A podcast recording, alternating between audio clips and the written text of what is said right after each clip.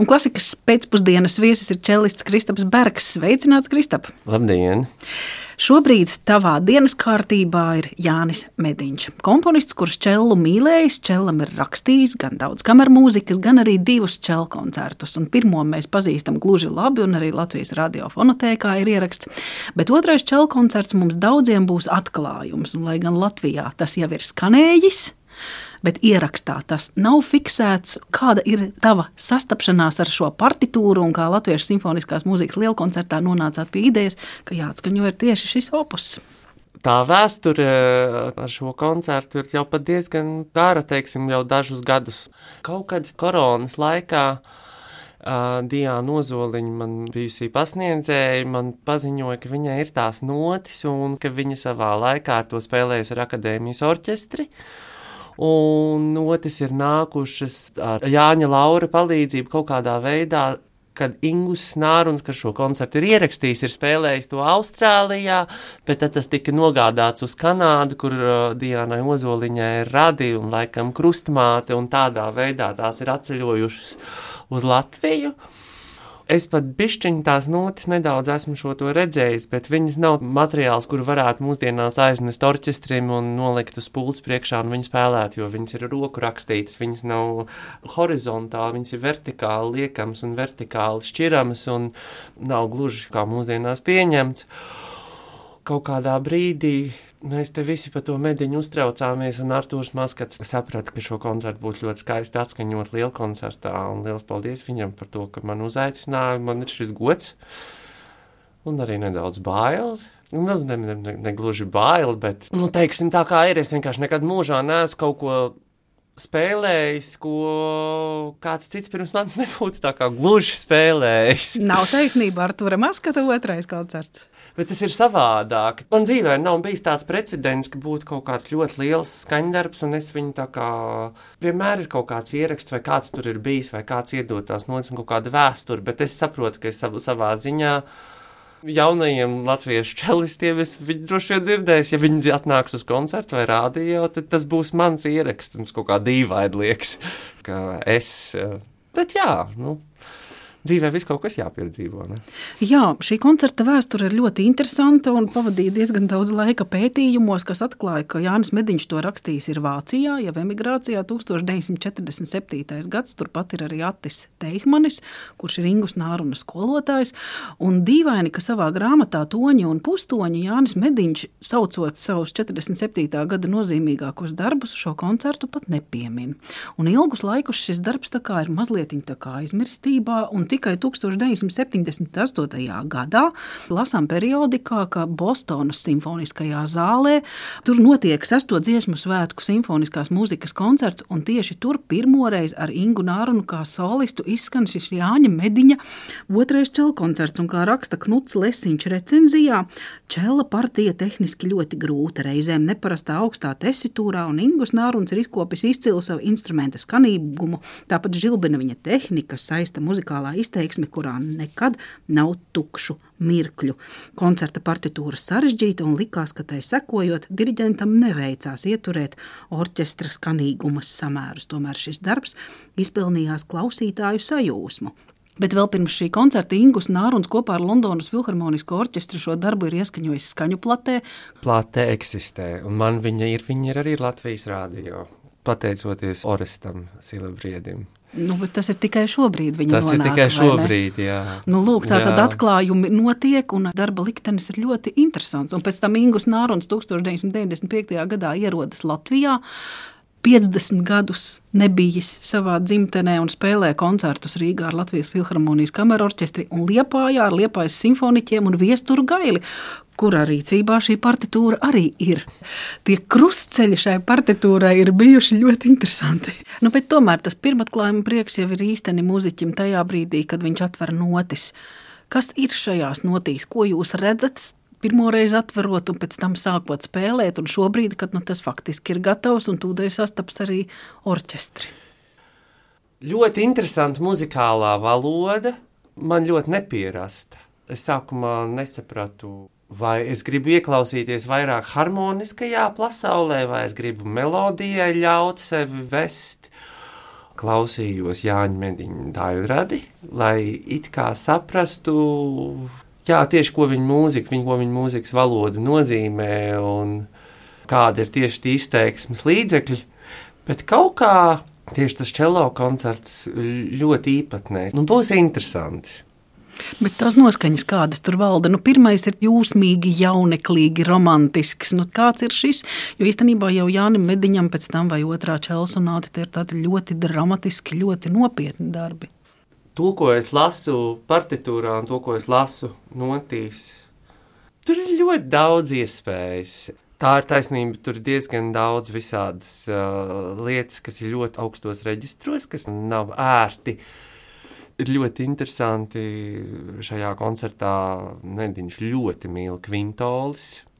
Es nezinu citu darbu latviešu mūzikā, kur būtu tik ļoti daudz kvintols. Galvenā tēma ir izrakstīta ar kvintolu. Mēs latvieši esam vairāk tādi, mums patīk uz divi, uz četri, uz trīs. Tas ir kaut kas ļoti īpatnējs. Es ar lielu prieku mācījos. Es pēdējo laiku es pavadīju pie čēla tieši domājot, nu kas tad būs tas mans, kā es veidošu šo mediņu. Un es sapratu, ka tas ir kaut kas tāds, ko es nekad neesmu spēlējis. Man ļoti patīk tas tehniskais izaicinājums, tas ikdienas ļoti veselīgs sports. Un jo katru dienu tur vairāk kaut ko spēlē, diezgan daudz visādas tehniskas lietas, daudz oktāvas, daudz visādas virtuozas pasāžas. Ir vietas, kur uh, komponists ir uh, uzrakstījis, ka viņas jāspēlē tik ļoti ātrā tempā, ka es tā domāju, simfonisku orķestri, nu, spēlē tajā tempā varētu, bet vai kāds tajā tempā vispār, nu, kaut, kaut vai zilbi varēs saprast, tad es nezinu. Un ko viņš tieši ir domājis? Vai viņš ir domājis to, ka ātrums un tā virtuozitāte panāks to efektu, vai viņš tieši gribējis, lai tās melodijas plūst ļoti daudz, vis kaut kādas harmoniskas gammas un chromatismi. Un... Nu, interesanti, ļoti interesanti. Cik daļas koncertam? Trīs daļas.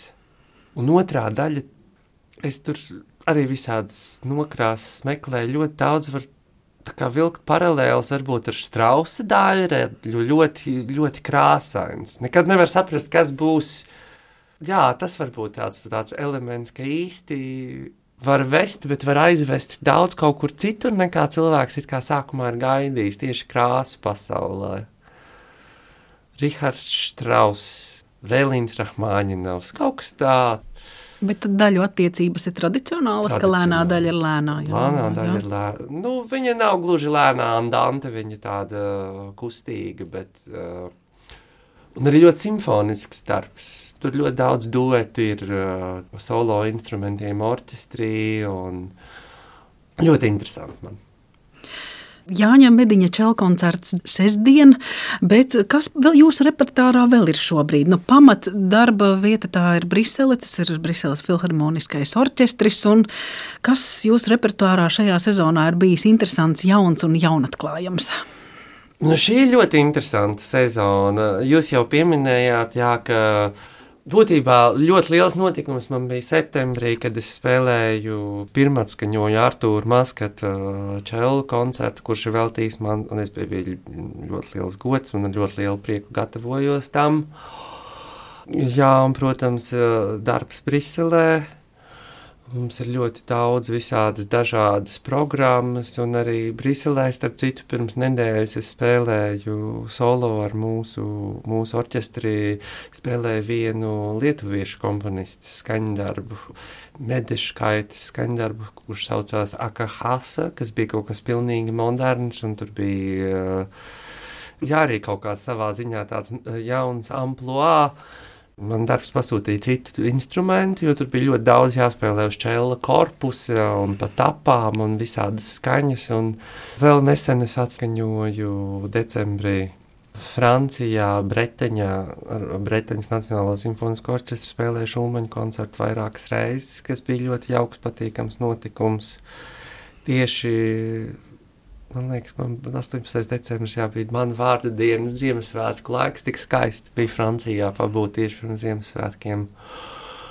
Es nodarbojos diezgan daudz arī kameru mūzikas projektiem un visu laiku trio kas... fābeli. Latvijā, protams, ar trio fābeli mēs spēlējam, jā.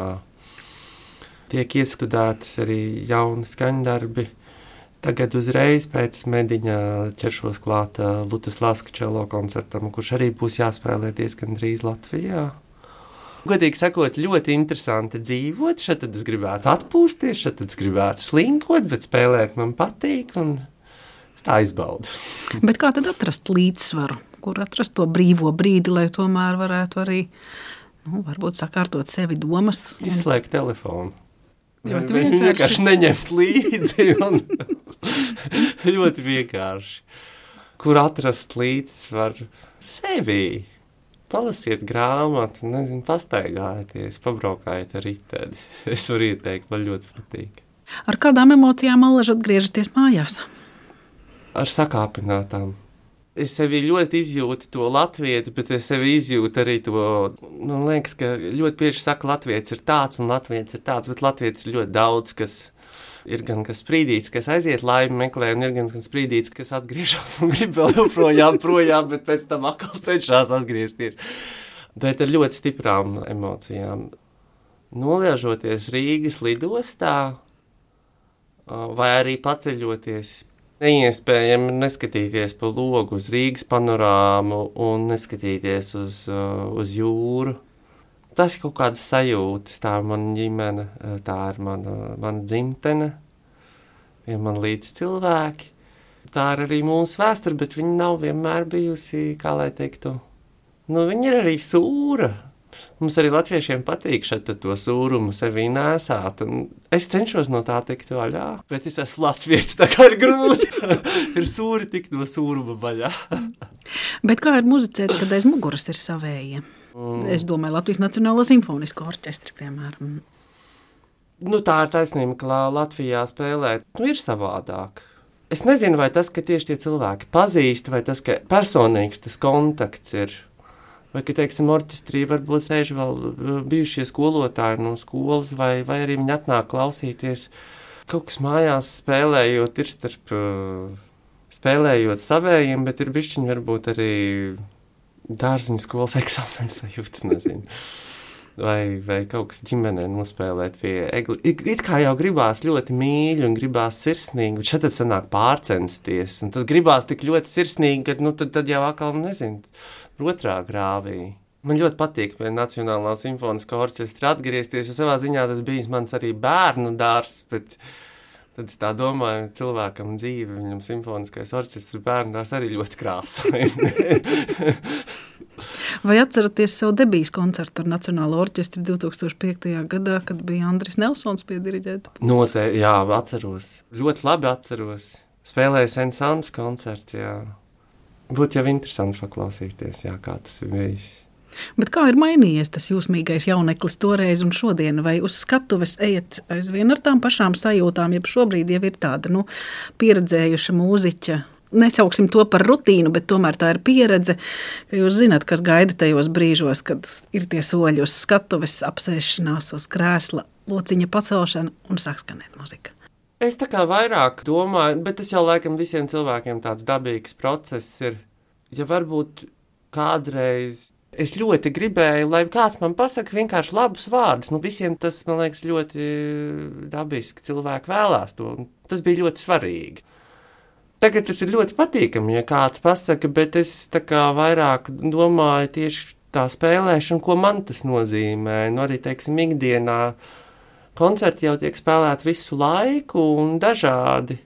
Es cenšos varbūt uh, vienlaikus celt kaut kādu savu latiņu, jo būtībā neviens jau no manis to ne neprasa, bet es pats sev to prasu, bet tajā pašā laikā neuztver to varbūt pārāk nopietni, jo tajā brīdī, kad es cenšos to pārāk nopietni uztvert, tad es drīzāk uh, sāku spēlēt pats sev kaut kādu nevēlamu policistu un es sevi ierobežoju, un tad es pats netieku īstenībā.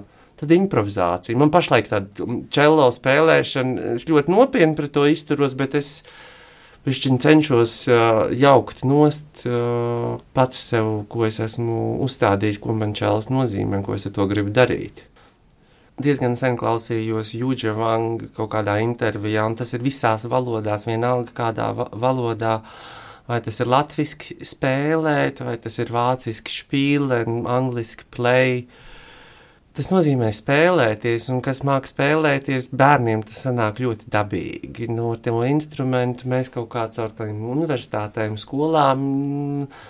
Tā vairs nav gluži tāda spēlēšanās. Un Juģa Vanga teica, viņai uzdeva jautājumu, kāpēc jums tik labi sanāk. Viņa saka, es nekad neesmu strādāt. Es vienmēr esmu spēlējusi. Es, es ļoti ilgu laiku nespēlēju, es strādāju. Es tagad spēlējos.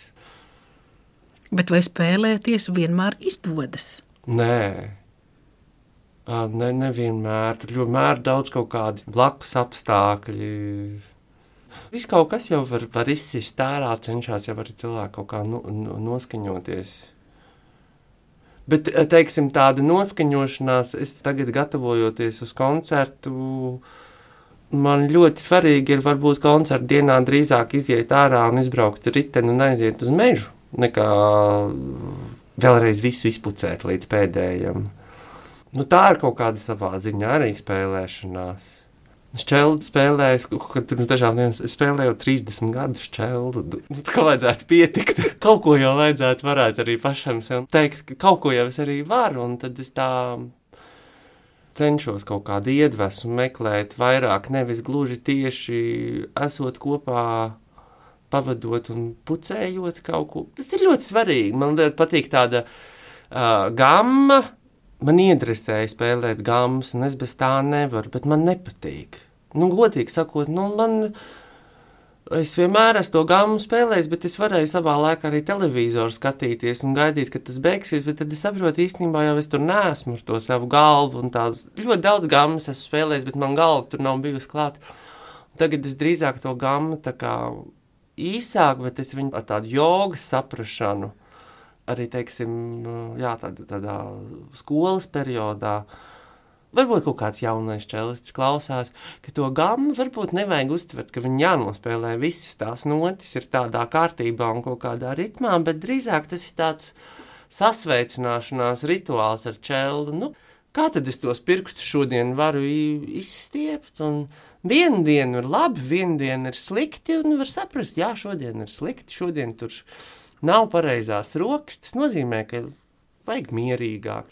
Ar mediņu ļoti interesanti bija tajā ziņā, ka es jau apmēram redzu to savu plānu, kāds man veidojās, bet ar kaut kādu tādu skaņdarbu, kas nav spēlēts, es īsti nevaru sākumā pateikt, cik daudz man laika vajadzēs ieguldīt, un vēl jau vairāk tehniski, vai cik ātri es to varēšu pacelt. Sākuma tas pieejams ļoti daudziem skaņdarbiem tieši tas, ka sākumā gribu saprast, ko tad es ar to skaņdaru gribētu pateikt. Es tā kā uzbūvēju kaut kādu formu jau galvā, un tad es sāku likt tos pirkstus klāt un saprast, kā to realizēt. Un ar mediņu bija tieši otrādi, jo es lasīju partitūru, bet es līdz galam nemācu. Nav tādas zināšanas, lai visu varētu uzreiz saprast. Sapratu, ka man ir jāspēlē. Bet tad es sāku spēlēt, un tā muzikālā valoda ir tik īpatnēja, ka es īsti nemācēju uztvert, uz kuru pusi man jāiet. Un es sapratu, bet tad man, tad man ir tas viss jāiemācās, lai es varētu justies brīvi un es varētu mēģināt. Un tad bija tāds, tāds baisais kopdarbs, bija tāds cello fitness, bija cello brīvība, bija cello joga, bija cello tas. Jā, ļoti interesanti. Un tagad ir kā? Nu, tieši tā arī ir. Vēl joprojām esam šajā procesā. Jā. Kurā brīdī ir prieks kā mūziķim, kā māksliniekam, kad ir tā laimes sajūta uz skatuves? Tas ir tad, kad skaņdarbs pabeigts, ja tomēr varbūt tās ir kaut vai tās pāris taktis visa skaņdarba laikā, kad notiek kaut kāds vārdos neaprakstāms brīnums. Koncerts ir viena lieta, mēģinājumi ir cita lieta. Jā, tas nebūs oriģināls, tas ir process. Nu, jā, varbūt, ja būtu tāda iespēja spēlēt ļoti, ļoti daudz visādus koncertus ar orķestris, varētu sevi saprast to sajūtu, kā tas ir, ka man tas nu, ir pilnīgi rutīna. Man tas nekad nav bijis koncerts ar orķestri. Es ne, nevienu savu koncertu ar orķestri nevarētu nosaukt. Tas man bijis rutīnas darbs. Man grūti saprast, kas ir rutīnas darbs. Jā, nu varbūt iet uz orķestri. Regulāri. Tas ir tuvāk rutīnas darbam, bet programmas mainās. Nu, Diriģents mainās. Mainās atmosfēra. Jā. Es domāju, ka varbūt tad ir savādāk. Bet tagad tieši tādā procesā Rezultātam ir jābūt profesionāli pieņemamam. Kas ir profesionāli? Neprofesionāli ir tas, ka uh, es esmu sagatavojies uz orķestra mēģinājumiem, profesionāli tas, ka es izturos pret saviem kolēģiem, orķestrantiem. Un, nu, ka es esmu laikā, ka man ir kaut kāda koncepcija, ka es esmu sagatavojies, ka man ir kaut kāda nojausma, ko es tam klausītājam vēlos teikt, vai kaut ko tādu. Tad jau tas ir jāļauj, tas jālaiž kaut kā vaļā. Mans uh, ilgadējais skolotājs Heinrichs Šifs, viņš teiksim, savā laikā ar veselību nebija tik ļoti labi, bet viņš ļoti gribēja visu kaut kādu mūziku vēl ierakstīt. Bet viņam dēļ fiziskām sāpēm bija grūti teiksim, izspēlēt visu koncertu kopā, bet viņš ļoti intelektuāli izdomāja. Viņš līmēja pa taktīm. Un, un tad tur bija dažādi tie cilvēku uzskati, ka Kāpēc to darīt, ja tu to nevari gluži vairs fiziski nospēlēt, bet no otras puses viņš bija tik ļoti augsts mākslinieks. Tad, man liekas, tā muzikālā doma viņa varbūt ir vajadzīga. Nu, kāda starpība kaut vai līmē pa notīm kopā, ja beigās tas uh, klausītāju kaut kā uzrunā vai tur kaut kāds vēstījums ir iekšā. Galvenais, ka tas vēstījums ir tīrs nots, nevajadzētu meklēt. Nu, tad nav vērts to darīt. Bet citam makalam, man liekas, ir, ir mākslinieks. Un kāda starpība kādām notīm viņš spēlē? Viņam tik daudz ko teikt. Tur varbūt katra piektā nav tas, kam bija jābūt. Bet tam cilvēkam ir ļoti daudz ko teikt un ir harizma. Tas ļoti interesanti. Es tā domāju, es esmu atļāvis varbūt saprast, ka tā, mēs esam tik daudz dažādi. Nu tad kaut kur tur pa vidu. Kristaps, sirsnīgs paldies par nākšanu uz klasikas La, paldies, studiju, lai, lai interesantas ir šīs dienas un jaunatklājumi nebeidzas un ļoti skaists un piepildīts sestdienas vakars. To visi patiešām gaidām, gan tie, kas būs lielajā ģildē, gan tie, kas pie radioaparātiem visi klausīsies. Liels paldies! Un turēsim īkšķus par izdošanos. Sirsnīgs paldies! Paldies!